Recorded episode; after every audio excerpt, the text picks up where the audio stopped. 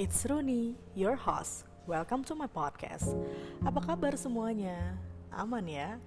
Kembali lagi kita akan ngobrolin love story dari seorang teman yang berbagi curhatannya seperti biasa melalui DM Instagram saya @tetehruni. Silahkan di follow barangkali mau gantian curhat.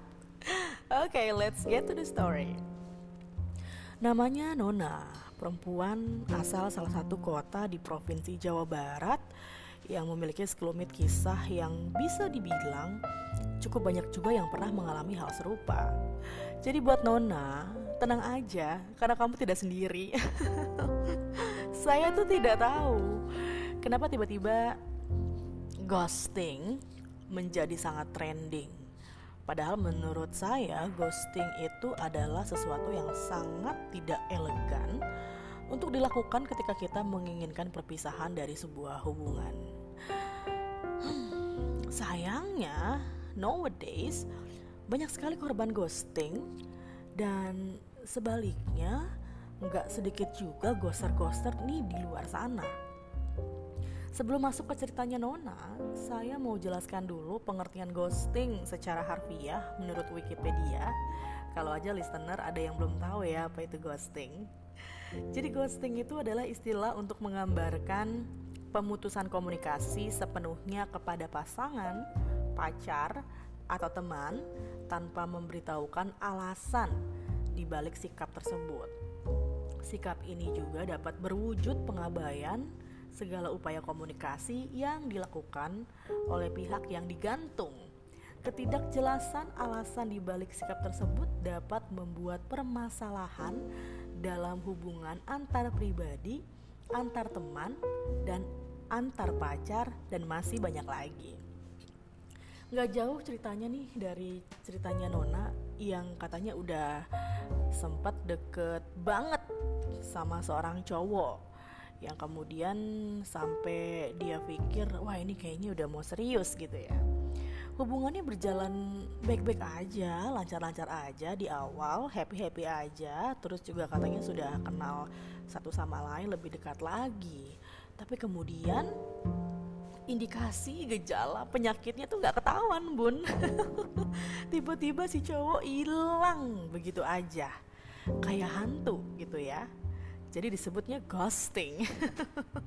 Nggak ada kabar lagi sama sekali, katanya tidak ada telepon juga, tidak ada chat, apalagi video call. Uh, yang pasti nih, ini menjadi sebuah bencana untuk Nona yang masih dilanda cinta saat itu ya. Ini belum apa-apa, karena the best partnya adalah while the boy udah mengghosting Nona dengan santai si cowok ini masih aja katanya mantengin snap-snap IG-nya dan masih malang melintang di timelinenya Nona without saying sorry. Apalagi penjelasan tentang alasan mengapa dirinya tiba-tiba aja ngilang gitu ya. Kemudian selalu timbul pertanyaan yang klasik ya. Why? Why me? Gitu kata Nona. Well first thing first ada banyak faktor yang menyebabkan seseorang mengghosting kita. Misalnya, menemukan ketidakcocokan di tengah-tengah hubungan atau tiba-tiba menemukan kesenangan baru.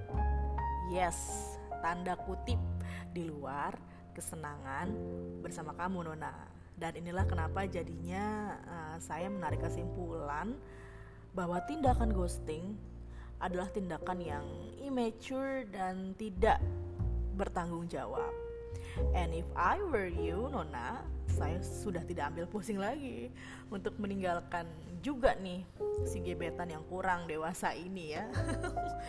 Ingat, pondasi pernikahan itu bukan hanya perasaan cinta dan juga restu, Nona, tapi juga kematangan mental ya.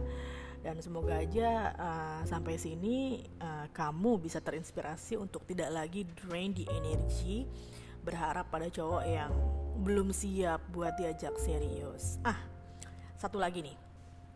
Biasanya kalau ini terjadi pada saya, saya selalu berikan waktu selama tiga hari untuk membuktikan seberapa penting kehadiran saya di hubungan ini. Namun setelah tiga hari lewat, ternyata tidak ada tanda-tanda saya dicari. Berarti saya tahu ini adalah saatnya untuk pergi. Tapi jangan sedih, karena ketika hal-hal yang kurang baik terjadi pada hidup kita, itu artinya Tuhan sedang memberikan ujian kenaikan kelas karena Tuhan tahu kita sudah pantas untuk ada di level yang lebih atas. Saya pamit, kita ketemu lagi di lain sesi. See you.